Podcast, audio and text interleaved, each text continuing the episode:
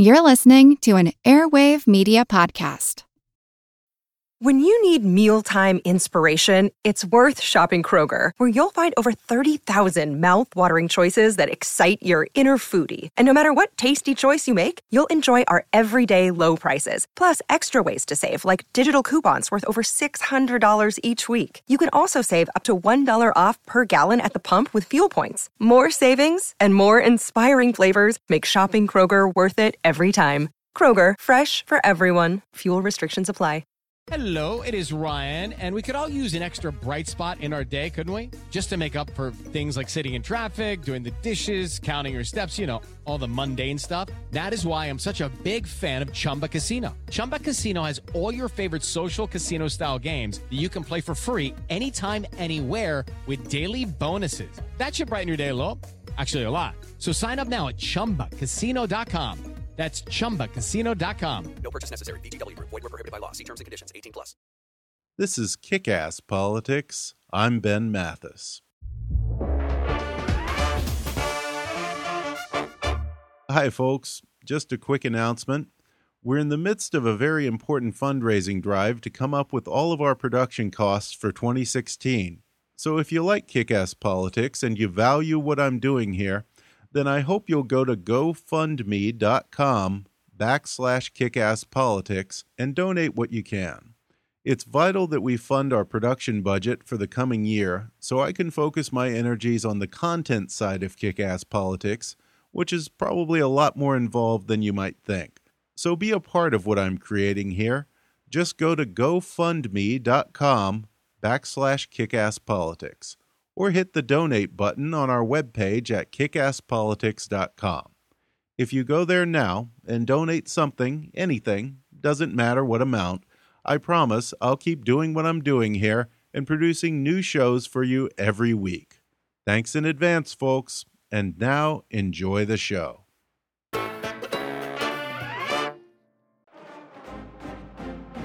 The big day is finally here, folks. The Iowa caucuses, when the very first votes get cast in the 2016 presidential election. The kickoff to a marathon race that won't let up until Tuesday, November 8th, when one man or one woman is left standing and America has chosen a new commander in chief. But what exactly is a caucus? And why does Iowa get to do it first? Who's in charge? How big a factor is the weather on caucus day? Can you win Iowa without loving ethanol? And what the heck is a full Grassley? We'll find out today when I talk to real Iowans, including some of the most important political leaders in that state, because it's Caucus Monday on Kick Ass Politics. Coming up in just a moment. From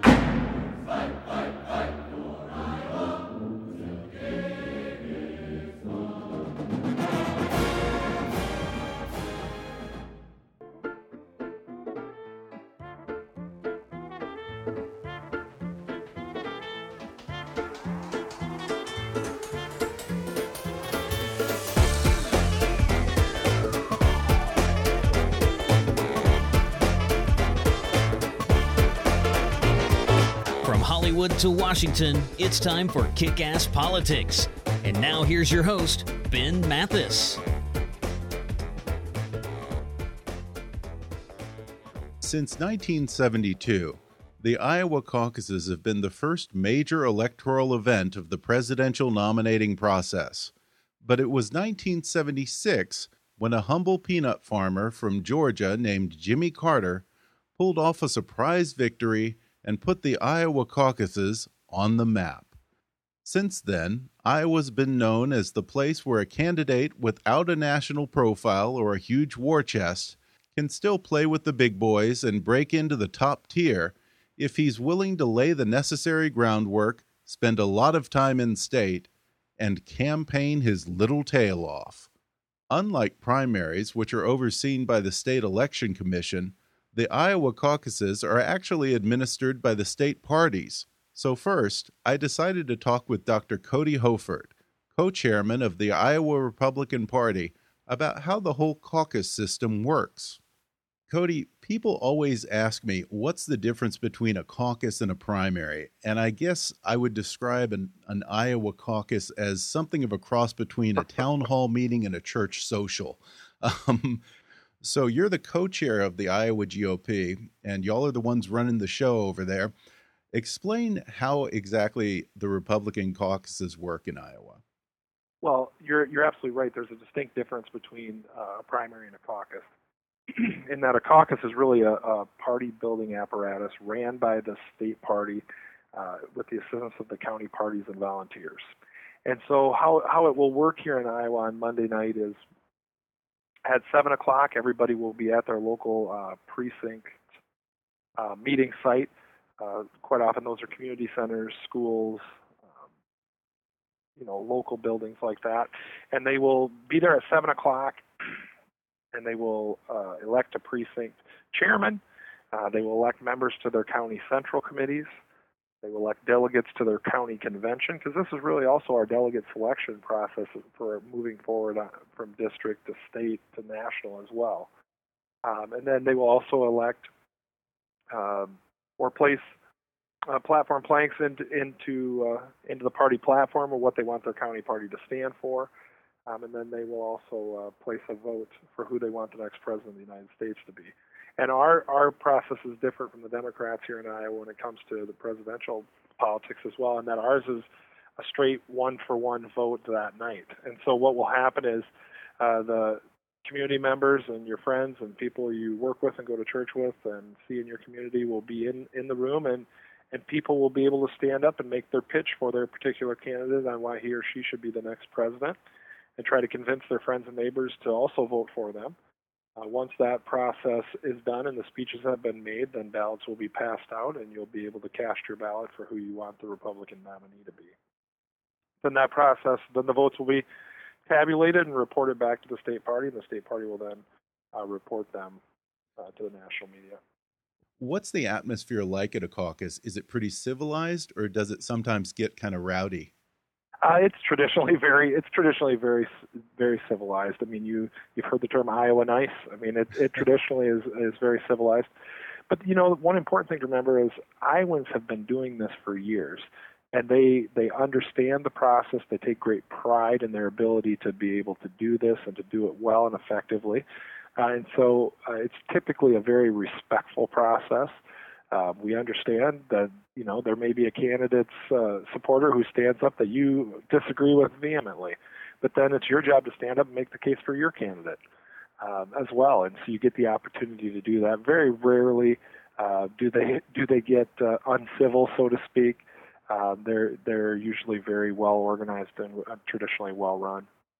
So it's never awkward the next day when you run into your neighbors. Oh no, heck no.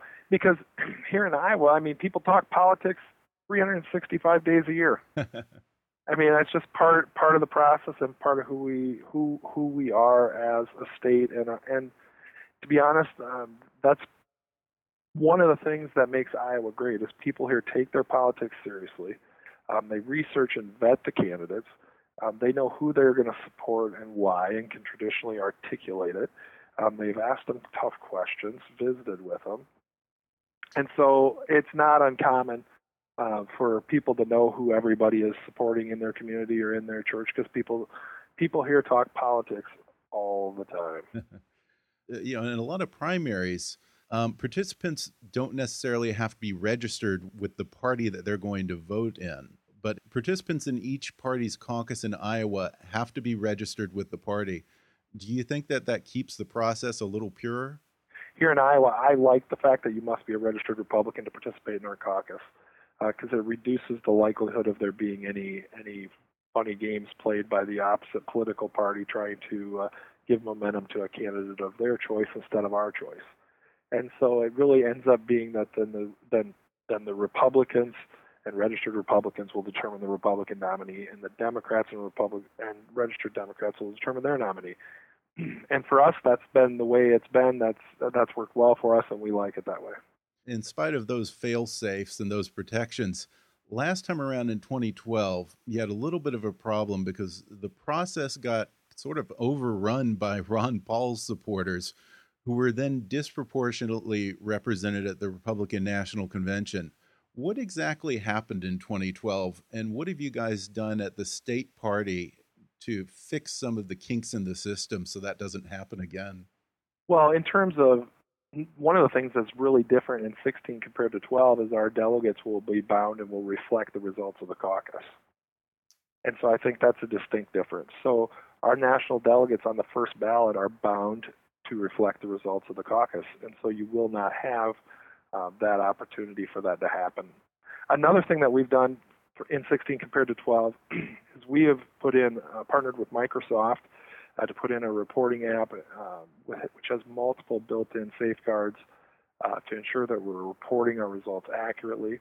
Um, and in 2012, it, the certification process took a couple weeks. Um, that's not uncommon in an election to certify it afterwards and for it to take a period of time. Uh, but we've hired staff and really bulked up in our staff, and we've bulked up in our activists and the number of trainings that we've done, um, and that we're going to have our caucus results certified in 48 hours. And so we're really going to be able to say who the winner is, even if it's a seven vote margin on caucus night.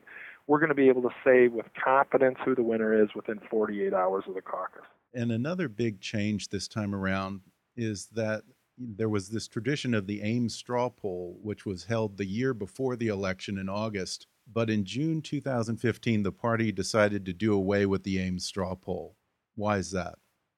the straw poll was always meant to be a candidate event and a party event. Uh, to, for our grassroots activists to have an opportunity to meet and hear from our candidates, uh, and for the party to have an opportunity to, to put on an event uh, where we get all the candidates together in one place so people can compare and contrast. At some point, it, it gets down to the fact of where um, is it really valid to have that straw poll if no candidates want to participate. And so we made the choice, due to the uh, limited interest and participation, uh, to withdraw the straw poll for, for this cycle. Um, and I think uh, candidates have responded to that. They've spent a lot more time in, in Iowa. We've had over a thousand candidate visits in the last year, um, all over our state, from big cities to small towns. So we're really uh, candidates have invested time, effort, and energy here in Iowa, and uh, we've rolled out the welcome mat to welcome them. The Democrats have had a pretty good record over the years. Um, on the Republican side, you've had 11 caucuses. Now, if you take out the incumbents running for reelection, the Iowans have gotten it right three out of the eight times that they didn't have an incumbent running. What do you say when people say the record for the Iowa GOP caucuses are a little spotty? We've never viewed our job in Iowa as being the state that has to absolutely pick the president or the nominee. And one of the things that I would just remind you is this time when the when the Iowa process started, we had 17 candidates running for president. Uh, we've always viewed our job as winnowing the field, looking at the candidates, asking the questions, putting forth three, four, five people forward into New Hampshire, South Carolina, and Nevada um, that that those folks can have a chance to take a look at. You know, if you're the last state to vote, it's traditionally pretty easy to get it right. you know, and when you're the first state to vote, it's a little more difficult to get it right. Now, I will say, winners of the Iowa caucuses. I mean, although they may or may not have went on to win the White House, when you look at um, George W. Bush has won the Iowa caucuses. Right. Uh, George H. W. Bush has won the Iowa caucuses. Gerald Ford has won the Iowa caucuses. Bob Dole has won the Iowa caucuses, and essentially Governor Romney tied last time. That's true. With he had twenty five percent, and Santorum had twenty five percent, right? Yeah, they were within seven votes on caucus night, and once it was once the results were certified, it ended up being, I believe, thirty four votes. It was essentially a a tie, and I, you know, I'm always I always uh, when I when I get asked this question, I always reflect uh, back on something that President Reagan said in 1980 after he was elected. He said he would always be grateful to the people of Iowa for giving him the kick in the pants he needed. right? And so I think there's some truth to that, right? He he found out maybe where his shortcomings were, uh, and where his some of his failures may have been uh, by campaigning all across Iowa, uh, and it gave him the opportunity to become a better candidate, and thus we we we feel a better president. Interesting. And so we're proud of our record and the work that we've done. Yeah, interesting. So you view the role as you weed out some of the weaker candidates and maybe embolden some of the stronger candidates for the election ahead. Absolutely. Well, you mentioned uh, Senator Rick Santorum. He won the Iowa caucuses last time around in 2012, and you worked on his campaign. So before we go, from an insider's perspective, what was the process of campaigning in the Iowa caucuses like? I had the opportunity to travel to some other states uh, with the senator in 2012, and it becomes a media blitz. It becomes uh, large press conferences, and it becomes TV ads and radio. But I think one of the things that's important is having the ability for people to actually shake your hand and ask you a question, look you in the eye, find out if you're authentic, find out if you're real. Um, and and nowhere else in the world uh, is that allowed to happen like it does in Iowa and New Hampshire to a degree, but Iowa for sure. Um, and so it allows anybody to come to Iowa and run for president. I mean, Senator Santorum four years ago is a perfect example of somebody who didn't have a tremendous amount of money, uh, came to Iowa, invested the resources uh, in terms of time, uh, and built relationships, and that was reflective in how the caucuses turned out in 2012. So uh, we we take the process serious. We're proud of the work our activists do, uh, and we're uh, we're just really excited for Monday night because we we are as prepared as we've ever been to run a successful caucus, and all eyes all eyes will be on Iowa as it as it should be caucus night because we do not take it for granted. Uh, we understand that it's a privilege um, that's granted to us by the people of America to be first, and, and we take that privilege seriously. Well, you're certainly right. All eyes are going to be on Iowa Monday night. And Mr. Co chairman, if it doesn't go off perfectly, you know whose door they're going to be knocking on come Tuesday morning. I expect I might be back on your program. One very big influencer in Iowa politics is Des Moines radio host Steve Deace. His show has become a must visit for any candidate with presidential aspirations and Steve himself has been credited with almost single handedly delivering a caucus victory for Mike Huckabee in 2008. Here's his take on the caucuses. So, first, tell me this uh, How many caucuses have you been to since you first came of voting age? Oh, let me do the math here. Uh, 96, 2002, 2004, 3, 8, 4, 5. This will be my sixth you know, I whenever I look at the Iowa caucuses and all the news coverage, I think to myself, sheesh, you know, Iowa voters, they have lives too. You know, they work, they have families, they got to get the kids to school. So, what in the world is it like when every four years a dozen or more hotshot carpetbaggers invade your state in their campaign buses? And you probably can't go down to the local diner and even get breakfast without getting glad handed by some politician. It dominates every conversation does that ever wear thin, Steve? You know, there's a point, and um, I, I used to do sports talk radio, and uh, you would talk to athletes, and when it got to the end of the season, uh, or when the season was over, they were like, "Oh man, I, I'm glad it's over. It's a grind. I, my body needed a break." and then, like a few weeks later, they were kind of like antsy for it to start again, you know. And so yeah. we're at that point in the Iowa caucuses where people want it over with, but you know, in a few months, they're going to be like uh, speculating what's going to happen the next time already, or or five minutes after uh, this election is over in November, and whoever loses will be back here again, and so the speculation for the caucuses will begin all over again. So, Steve, how do Iowa voters pick a candidate? What's that decision process like? About a third or so of Iowa voters will make up their minds at the very end. Plus, you need to understand the way, Ben, that most people in Iowa do make up their minds. Most people in Iowa that wait to the end to make up their minds go to the caucus site with a couple of choices they're willing to vote for. And then they'll listen to speeches uh, from advocates of that candidate. They'll, they'll, they'll have their friends, you know, um, lobby them, horse trade with them. And so, you know, you'll get a group of people, let's say you get 50 people from a church uh, that will go to a caucus, or the caucus is at a church.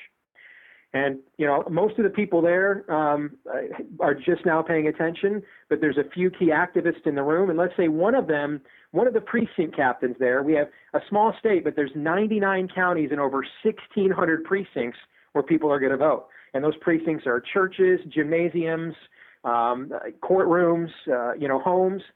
And so let's say there's 50 people gathered at a, at a church getting ready to caucus, and they don't really know where their pastor stands because he's not going to necessarily say so, so from the pulpit because of the IRS. But what they don't know is that he's a precinct captain for one of the candidates.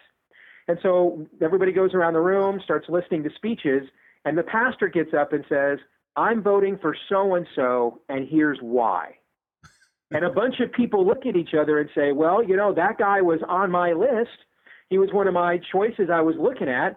And, you know, I really trust and respect the wisdom uh, and, and guidance of, of my pastor. And this is true if you've got the key business leader in the community or, you know, someone that's strong and with an influential, you know, edu- nonprofit group or sports team. And, and that absolutely sways people. And it's why you see wide swings. Plus, there's what we call strategic voting in Iowa, Ben. And this is where huh. people walk in and they say, you know, I want my vote to count so, you know, if you look at four years ago, you really saw this help Rick Santorum, for example. I mean, people walked in and said, you know, M- Michele Bachmann's not going to win, so why do I care if she gets 5% or 11? Newt Gingrich isn't going to win, so why do I care if he gets 18% or 11, or 10? He's not going to win. I'm going to vote for the guy that I think is the closest to my value system that seems to have that momentum. I want my vote to count which is another reason why polling of the Iowa caucuses is notoriously bad. And I could give your audience plenty of documented examples if you're interested. We've had Iowa caucuses where Pat Buchanan was polling at 4% and ended up with 23% on caucus night. Let me give you some some other examples. Uh, in 2004, the highest John Kerry was polling in any final public poll of the Democrat caucuses was 23%. On caucus night, he got 37%. In 2008, we had eight public polls the last week of the campaign in Iowa that had Hillary Clinton winning. Hillary finished third and Barack Obama won. He outperformed the Real Clear Politics polling average by seven points. And then I mentioned what happened four years ago with Rick Santorum, where there were, there were only two polls in the last week that had him above 18%. Most of them had him at 14 to 16%. He outperformed the Real Clear Politics polling average by 10 points that night to win. And so there's there's two reasons for this. One of them I've already given you, which is the kind of horse trading that goes on in strategic voting. Here's the other reason why it's very difficult for polls to, to resonate in Iowa. Because the most formidable organization in the caucus process are the evangelical churches, that, that network that I'm tied into. And so when you when you have evangelicals make up upwards of 60% of the electorate in Iowa, and they don't typically respond well to polls, uh, you know that also gives you an idea that you know, maybe these numbers necessarily aren't the most accurate. And I'll, I'll, I'll finish my point, Ben, before we get to your next question. I'll throw this in. We've had three contested Republican Iowa caucuses this century 2000, 08, and 012. The hmm. same candidate won all three races. And that's the candidate who got the most votes in the evangelical community. Well, yeah, because uh, you had Rick Santorum the last time around in 2012, and then prior to that, you had Mike Huckabee, who Fox News credited you with uh, winning him that caucus with your endorsement. I don't. I believe talk show hosts cannot win elections. Candidates have to win elections. Now, did I provide Mike Huckabee an opportunity to compete with um, a media platform that he didn't have the money to compete with Mitt Romney on head to head? Sure. I mean, there's no question that Huckabee. I guess I would put it this way: he would not have won without me but I'm not the reason he won at the same time. Ben, I mean, I, I gave him a chance to make the sale. He still had to take advantage of it. I mean, if if I had given him that opportunity and he was a schmuck, I mean, I can't force people to go against what their own eyes can see and their ears right. can hear. What is it that they look for in a candidate? I mean, there's some issue non-negotiables.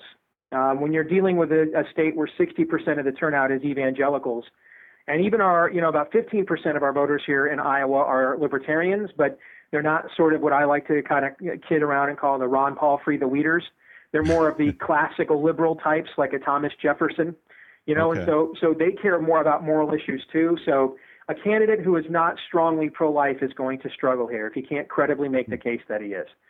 But, it, but on, a, on more of a, you know, in, on a, I guess, an existential level, people like to vote for people they trust and they like, and that's why the retail campaigning Ben is matters so much is because this is where people get to know you. At the end of the campaign, if people in Iowa do not think that they can call you by your first name, they typically won't vote for you. Apparently, this is very important. Iowans really like for their candidates to spend a lot of time in state. They want to shake your hand and meet you and, and vet you personally. So there is this term, the full Grassley, named after your senior senator, Chuck Grassley. What is the full Grassley, Steve? Well, as I mentioned earlier, we have 99 counties, and so the full Grassley is Uh, have you visited all of them? Meaning, and it's sort of symbolic of, I mean, listen, Charles Grassley names the score uh, in, you know, um, it's like Alabama with coached by Nick Saban playing Vanderbilt on a Saturday. He names the score every election. Is he getting 58%, 68%? He names the score. Really? Uh, and, and, and the reason being is because he still comes back home and works the ground. You know, we used to say the only difference when him and Harkin were in the Senate together the only there, other other than the fact one's a Republican and one's a Democrat, the other big difference between Tom Harkin and Charles Grassley is one still lives in Iowa and the other doesn't. Yeah. Right. I mean, Tom Harkin sort of had a mailbox in Indianola that was called his home. He was never here except the campaign. Uh, Grassley still lives here, uh, and he puts in the work. He's built a lot of relationships with people. Um, he is the one other candidate that, if he wanted to put an organization together early, for a presidential candidate, it would be impactful. You know, he's more of an esprit de corps guy, so he's just never done it. Uh, no. But um, you know, that's what it means to do the full Grassley. It's sort of symbolic of the fact that you're not trying to buy Iowans' votes. You're not just doing splashy rallies where you do this for photo ops, but you're willing to let people get to know you, see you up close and personal. And here's a really important thing about Iowa that doesn't get reported a lot. Then, since yeah. 1992, we have not elected a president who did not win a contested Iowa caucus since 1992. And that year, huh. Harkin ran for president, so the Democrats didn't have a very competitive caucus because he was a favorite son. Hmm. On the other hand, although everybody loves New Hampshire, and I get it, I'm in the media, and it's exciting. Anybody can vote. Kid and play house party, pajama party, green party can come in, vote for anybody you want, whenever they want. And so you don't know what the results are. It's fun. I get that. But since 1988, New Hampshire has not selected a president of the United States. And here's why. Really? Because yeah, that's true. There's not. They like to brag about that. They like to say Iowans pick corn I, and New Hampshireites pick uh, presidents. Don't it's they? the exact opposite. Tsongas, ah. McCain, Hillary, Buchanan. Ooh, these are all people that won Iowa, that won New Hampshire primaries in years they did not win the presidency. And I think this is my hypothesis as to why because anybody can vote at any time for any reason in New Hampshire. You get exciting yeah. results, but it doesn't necessarily show you who has built a base that can last. On the other hand, in Iowa, you have to start with you, to win Iowa. You have to build the very first block of a successful campaign. You have to energize a grassroots base that will be your loyal foundation that you can grow from there. And if you go back to the Reagan Revolution in 1980, what you're going to find, Ben, is every presidential election was won by the candidate who more energized their base. Now, I'm not saying you can win with just your base. I'm saying, however, as Mitt Romney found out in 2012, you cannot win without it either. And your, because your base and you and I are in business, we like to grow audiences. We call them in our line of work P1s, right? You have to have your P1s because they're the ones that are going to have, that are going to help you grow to P2s and P3s. And if you don't develop those P1s on the ground among the activists in Iowa, that's a pretty good test model that you can't do it nationally. And so people say, well, you know, that's fine, but Iowa didn't pick the last two GOP nominees. Well, that's true, but what Iowa then told you, because you can turn it around on you and say, what Iowa told you is the GOP nominated two candidates that were weak with their own base, and that's why they lost. Well, we're going to take a quick break right now, and then I'll be back to talk more with Steve Deace and then I'll talk with Congressman Steve King about the ethanol lobby and the candidate they're spending millions to try and defeat. We'll be back in just a moment.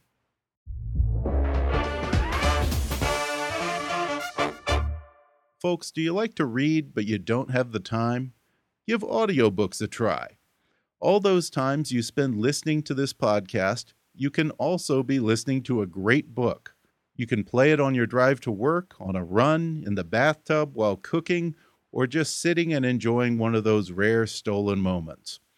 And right now, you can download any audiobook you want for free with a special promotion for our listeners from audible.com. Just go to audibletrial.com backslash kickasspolitics for a free 30-day trial and a free download of any of Audible's 180,000 titles for your iPhone, Android, Kindle, iPad, or MP3 player. That's audibletrial.com backslash kickasspolitics. Or click on the sponsor link on our webpage to download the free audiobook of your choice. And now, back to the show. We're back, and I'm talking with radio host Steve Deace. Explain this to me. Here's what I'm trying to figure out. You know, Iowans seem like they probably have a pretty good BS detector on them. Mm -hmm. And, you know, you have this guy who you know, does a completely impersonal campaign, big rallies, doesn't do the whole 99 counties. He's this slick New Yorker who kind of seems to treat everyone like they're a bunch of rubes, if you ask me. Yeah. So, how is Donald Trump doing so well in the Iowa polls?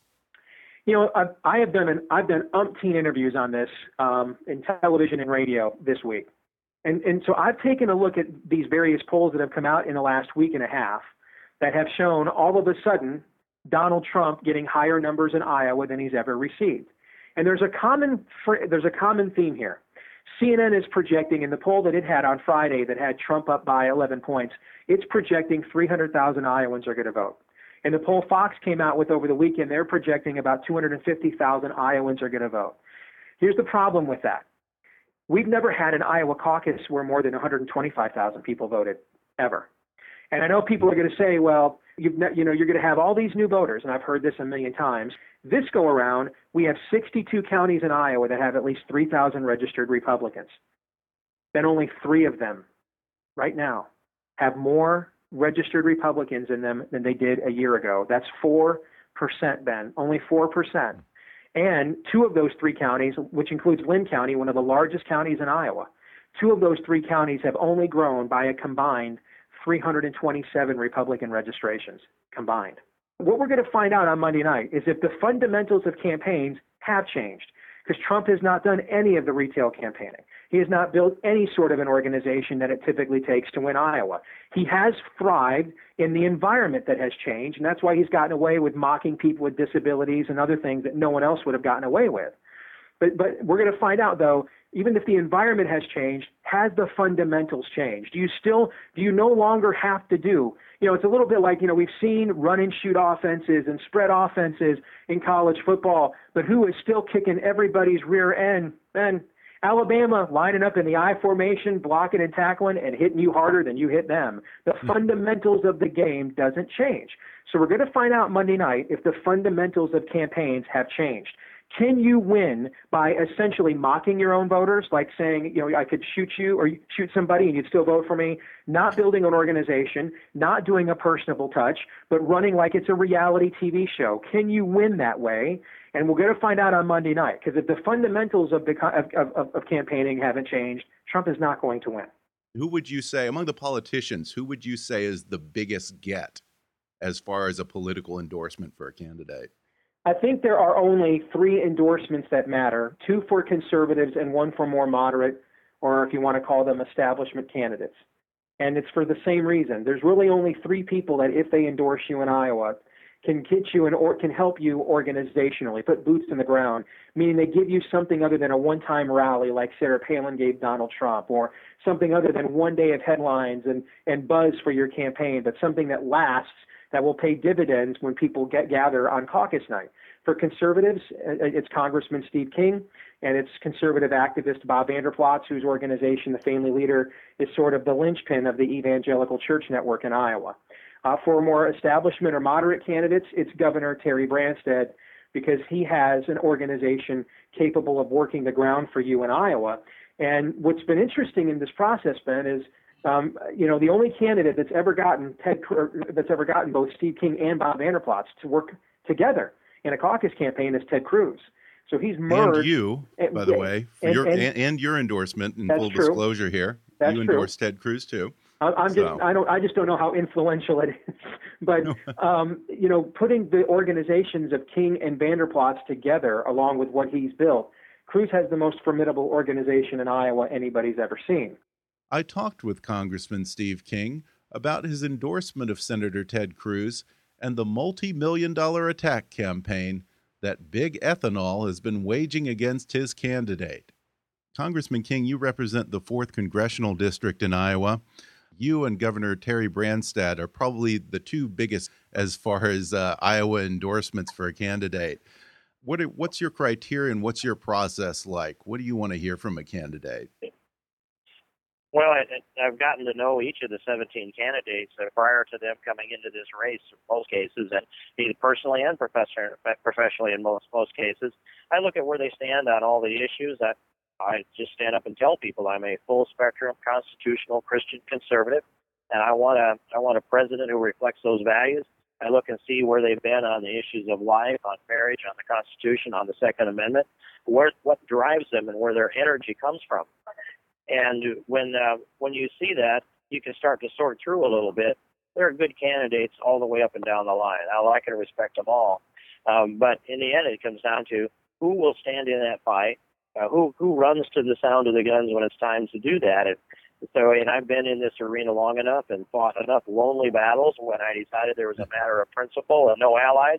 That when somebody shows up and stands next to me, I'm pretty well convinced they're a true believer.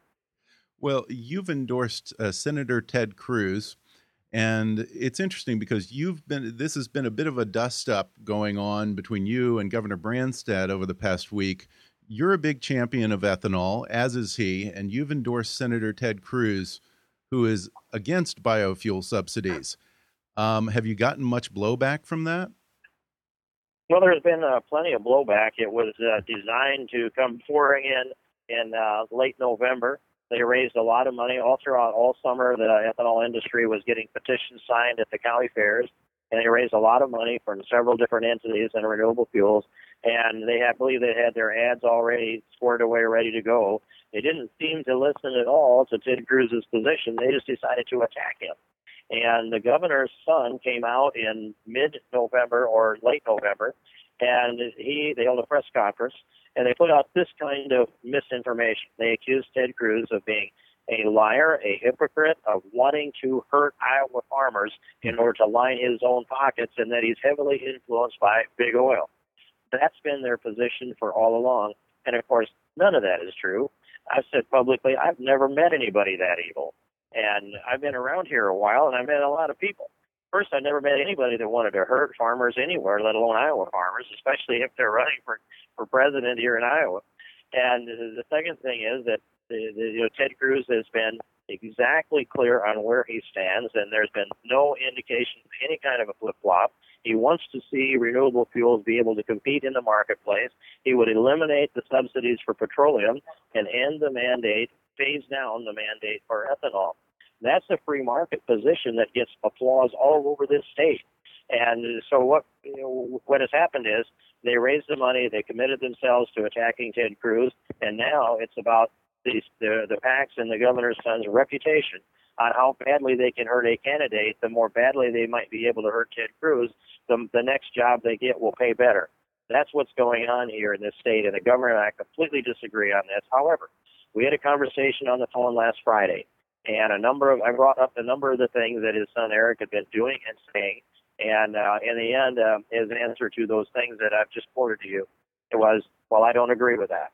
So um, we're going to find out who's got the influence here in this state, and I just hope it comes back to truth, justice, and the American way, the Superman motto. You're a Republican, and what do you say to those who say, while it's good for Iowa in terms of general limited government con conservative principles, giving government subsidies to encourage, you know, what they would claim say is burning our food, and some would claim is uh, a fuel that uh, is inefficient and possibly, in some total, might be worse for the environment uh, than oil. What do you say to those people who say, well, the you know the the ethanol subsidies issue is not conservative? Well, first, I would remind people that there is no subsidy for corn ethanol and there hasn't been one since December 31st of 2011.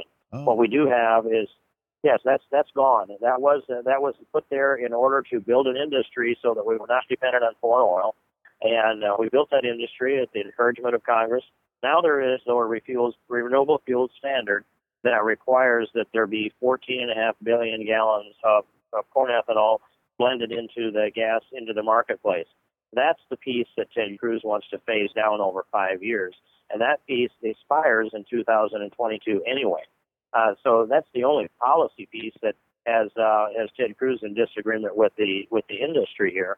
But what they're not seeing is that he would also direct the EPA to eliminate the 10% blend wall so that ethanol could be sold in the marketplace where there where that sweet spot is. There's a sweet spot, we believe, around E25 or E30 that brings about maximum mileage, maximum octane, and minimizes uh, substantially tailpipe emissions. Here's what I can say. There have been a, a number of studies that have been funded by the petroleum industry and influenced by them. There's some science out there that I just completely reject. But here's what we know. When you add ethanol to gasoline, you invariably increase the octane and you invariably diminish the toxic tailpipe emi- emissions. Well, they're not testing ethanol in the gas in a fashion that that is that reflects the the product that it comes out. We just need to let that happen and let the marketplace decide.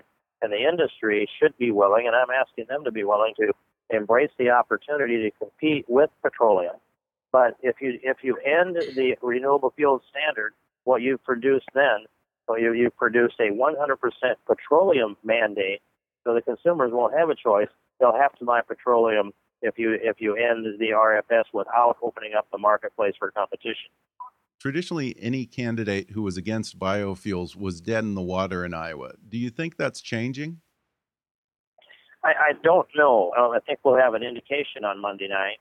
but you know, I, I would reiterate that Ted Cruz is not against uh, biofuels or renewable fuels. He's for allowing them to compete with every other form of energy. And I know that in an op-ed that he was writing, um, I had I had looked at the language that was on another. There were several documents out there. He was polishing one up, and I said you left out coal and nuclear as far as fuel options. And he said, no, I put that in. And he showed me that he had already penciled it in and, and his edits in the op-ed. So uh, he wants all energy to compete against all other energy. And if we're not satisfied with that as Americans, then, then I, I think that's a sad day, especially among Republicans. So I, I think he's, he's, he's for allowing them to compete. He wants to open up the regulations so that they can compete, but he doesn't want to pick winners and losers. I agree with that philosophy, certainly. It's funny because I, I think outside of Iowa, the rest of us in the media tend to portray Iowa voters almost as single issue voters. But in sum total, when you look at a voter's decision in Iowa, really what percentage uh, of that has to do with biofuels as opposed to all the other issues on the table?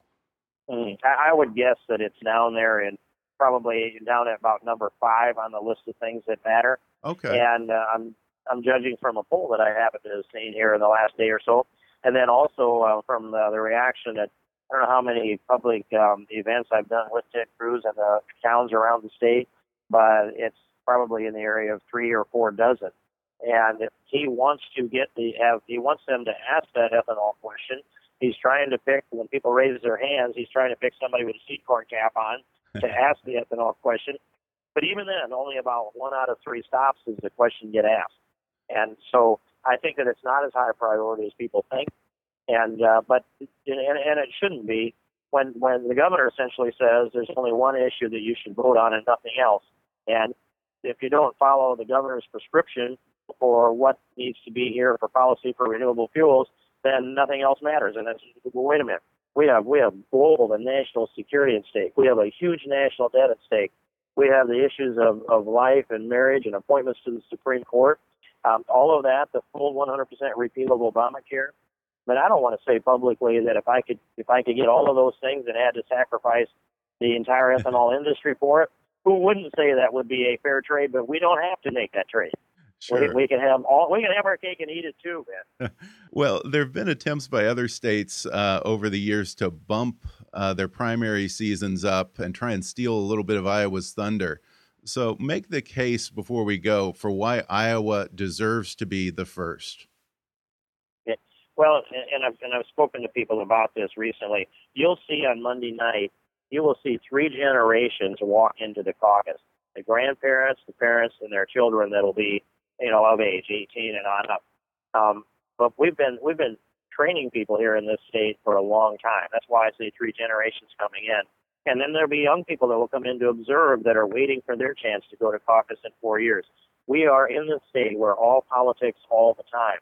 And if we don't have a small state that is face to face, shoe leather, shoe leather retail politics, then the next president of the United States would be selected by whoever had the deepest pockets whoever could write the biggest checks, whoever could have the media persona created by the advertising company, we wouldn't get to know our presidential candidates again. And to just to give an example, um, eight years ago, I was trying to convince a lady that she should vote for my candidate, and she looked at me with the straightest of face, and she said, "Goodness, I wouldn't vote for someone for president whom I'd not yet met." and that's how personal this gets. And so, uh, and you want to know, you want to know not only the positions and policies of these candidates. Anybody can put together a, a poll-tested position, especially these days. But we have people here that are so astute in their observation. They're watching how the candidate is in front of the curtain, behind the curtain, how they interact with people, with constituents, with kids, how they manage their time, how they interact with their staff is a really strong indicator of what kind of a president they're going to be. And don't we want people that have, I'll say, polished those skills that are down home people with heart of the heartland core American values making that first recommendation to the rest of the country. I think it's good for America to have that. And I think it would be a calamity if it ever changed. Well, I'm talking to you on Thursday. We have four days until the caucuses, so I know that you are probably a very busy man today. So uh, before I let you go, what do you do the day after the caucuses? Do you are you depressed? Do you do you crash for 48 hours and just go to sleep, watch a football game, try and block politics out of your brain? What's your tradition? Well, I, I don't know if I can say what the tradition is, but it looks to me like I'm on a 5 a.m. flight for Washington D.C. Oh, so no. uh, that means that it's um, not going to be a lot of sleep that night, especially if it's a celebration. Yeah, So uh, we, we'll see how that all works. But uh, what, I- what I'm, I'm really I'm looking forward to caucus today. The the energy that just keeps building and building. It's like building up towards the Super Bowl. And uh, you know, this uh, I'm down here right now in the downtown Marriott in Des Moines, Iowa, and uh, you know the reception of our area. And this place it was just jammed last night. It will be increasing in its in its population, jammed more and more, uh, you know, through caucus day and caucus night. And it's just the epicenter of politics for the country or even the world uh, that time. And uh, I just enjoy every minute of it. Four years ago, I finished my last interview at about 1:30 in the morning, standing out on the balcony of the state supreme or the, the state supreme court building. It was about 18 below. The wind was blowing, and uh, I'm out there because they can get a shot of the state capitol in the backdrop. And that was my 30-second interview of the day. And so uh, this is uh, this is a lot of fun. Well, it sounds like it, and it sounds like it's completely exhausting. So, uh, you, you're a better man than I am, Congressman Steve King. Oh Well- no, we could infect you with this. You're out here. We we'd infect you with the caucus Yeah. fever, Ben. Okay, well, you know, four years from now, uh, I'll, I- I'm going to take you up on that, and maybe I'm going to see what all the fuss is about. well, Congressman Steve I Steve hope you King, can do that. thanks so much for coming on to talk to me about the caucuses. Thank you, Ben. I appreciate it and I enjoyed it. Sure, the Iowa caucuses might seem a little old fashioned or out of touch in an era of super PACs, big data, and innovations like targeted mobile outreach. There have been proposals to steal Iowa's moment in the sun with a national primary that would be cost prohibitive to all but the best funded candidates, and there have been ideas to rotate the order of the nominating states each election but then what if you end up with a state that happens to have a particularly disengaged or apathetic electorate? In an age when elections have become about big money and big media buys, maybe it serves a useful purpose if before a candidate gets too big for his britches, he has to sit down with real, everyday people and pay attention to their problems, their concerns, and their hopes for America.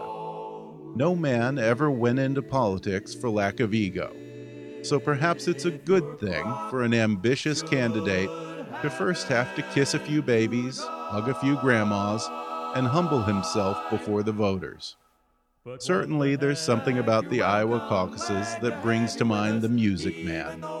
But the next time you start to envy Iowa's privileged place in our electoral system, Ask yourself if you really want to have to worry about running into some slick politician every time you run to the hardware store, or go to the barber, or your favorite coffee shop. Maybe those of us in the other 49 owe the good folks of the Hawkeye State a small thanks and a pat on the back for taking one for the team. I mean, assuming they don't pick Trump.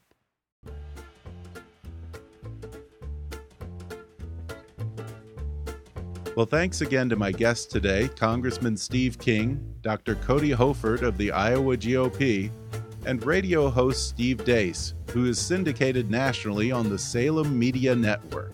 And for you caucus goers in Iowa, good luck braving the snow tonight. Don't let us down. Now, don't forget to subscribe to Kickass Politics on iTunes, and while you're there, if you have a moment, please leave us a review. I'd also appreciate it if you went to kickasspolitics.com and filled out a brief audience survey on our homepage. And please, if you enjoy the show and you're so inclined, recommend Kickass Politics to all your friends on social media. And if you really want to help us out, then donate to our GoFundMe campaign at gofundme.com backslash kickasspolitics. It's really important that we fund our production expenses for this coming year so I can put my energies toward great new guests, interesting topics, and producing more new episodes. Whatever you can give is going to help us get there. So go to gofundme.com backslash kickasspolitics and make a donation because everyone needs a little good karma at the start of a new year.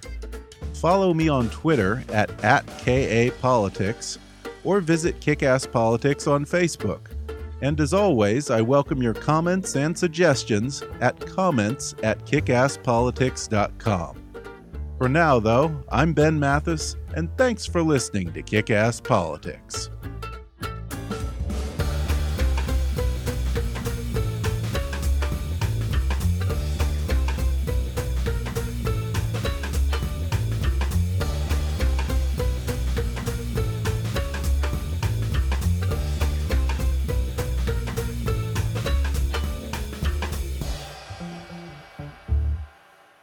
This podcast may not be reproduced without express written permission. Kickass Politics is a trademark of Mathis Entertainment, Inc.